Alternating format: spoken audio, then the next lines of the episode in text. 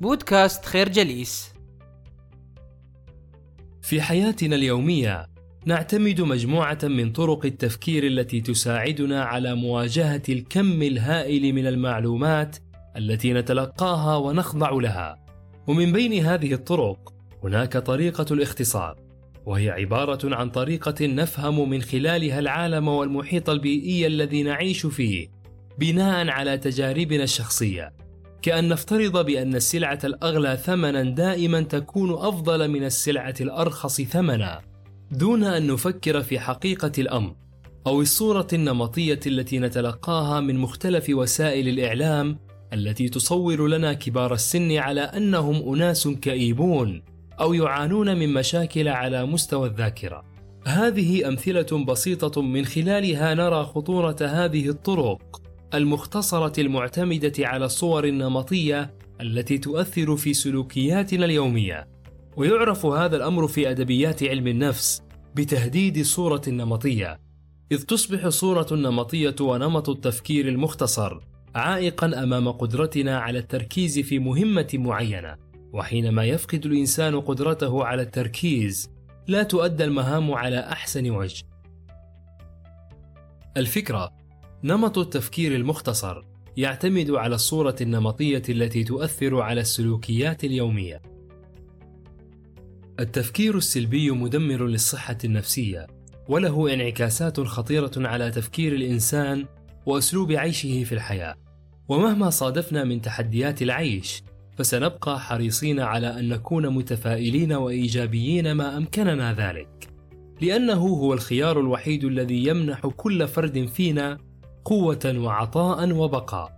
ورغم أن هذا الخيار تعوقه مجموعة من العوائق الثقافية والفكرية التي يعيش في ضوئها الإنسان خاصة في مجتمعاتنا، فإننا جميعا نستطيع أن نتعود على الاستجابة لتحديات الحياة بطرق أكثر إيجابية، وهذا الأمر متاح بالنسبة لكل واحد منا، لأن تغيير طريقة التفكير عبر تبني استراتيجيات معينة تمنحنا القدرة على تغيير مسارات عصبية في المخ، فيصير هذا النوع طبيعيا واعتياديا أكثر. وقد أشارت باربرا فريدريكسون عالمة النفس في جامعة نورث كارولاينا إلى هذا الأمر حينما قالت: أن نمضي الوقت في تعلم مهارات استدعاء المشاعر الإيجابية ذاتيا من الممكن أن يساعدنا على أن نصير بصحة أفضل واجتماعيين أكثر وأشد مرونة عما كنا. وهذا يعني أن مهما شعرنا بالاستياء من طبيعة الصراع الذي يحكم هذا العالم، فإن المهم هو طريقة استجابتنا لها والتعامل معها. الفكرة التفكير الإيجابي يمنحنا القوة على مواجهة التحديات التي تفرضها طبيعة الحياة.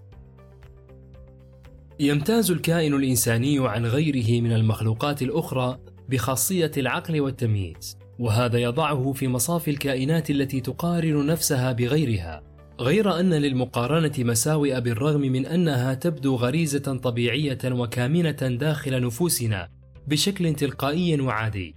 بكل تأكيد فإن اعتماد الكائن الإنساني على المقارنة مبني على مجموعة من الاعتبارات، أهمها مساعدتنا على فهم موقعنا بين الآخرين، وتقييم أنفسنا بناء على ذلك.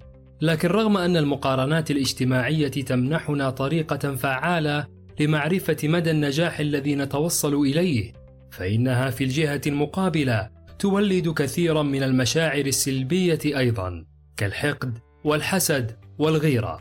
هناك دروس كثيرة يمكن استخلاصها من خطورة المقارنات الاجتماعية، ولعل أهم درس هو اعتماد هذه المقارنات على منطق مغلوط متجذر فيها، أي أننا نقارن أنفسنا بأشخاص دون أن نعرف قصصهم الحقيقية أو تاريخهم المفترض. فغالبا ما نهتم في المقارنة على المناظر الخارجية التي يبديها الآخرون، أو التي يختارون تقديمها، وقد قال عالم الاقتصاد الشهير ستيفنز دافيدوفيتس بأن الناس يقضون في غسيل الصحون ستة أضعاف الوقت الذي يقضونه في لعب الجولف لكن التغريدات التي نجدها على تويتر عن لعب الجولف تكاد تبلغ ضعف تلك التي عن غسيل الصحون. الفكرة المقارنات الاجتماعية تعتمد مجموعة من المغالطات المنطقية. الحياة ليست دوما طريقا مفروشا بالورود ففيها السيء والجيد والخير والشر ووجب على كل كائن أن يستثمر في كل شيء ويحوله لصالحه مهما بدا بأنه سيء أو يعكر صفو حياته.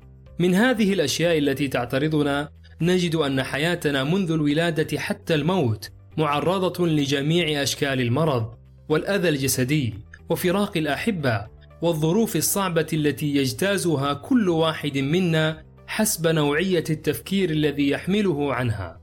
إن كل ما يبدو للناظر على أنه سوء طالع أو قسوة قدر يمكن أن يتحول إلى قراءة مغايرة حينما يتحول التفكير إلى رؤية إيجابية لمواجهة كل ما يعترضنا في هذه الحياة. فليس هناك شيء لا يحمل بعدا إيجابيا مهما حاول الإنسان أن يخفي ذلك أو يغض الطرف عنه. فمثلا هناك العديد من الناس الذين أصيبوا بالسرطان تحولت حياتهم إلى أشياء لم تخطر لهم على بال حيث غيروا أولويات حياتهم وجعلوها أكثر روحانية وإيمانا.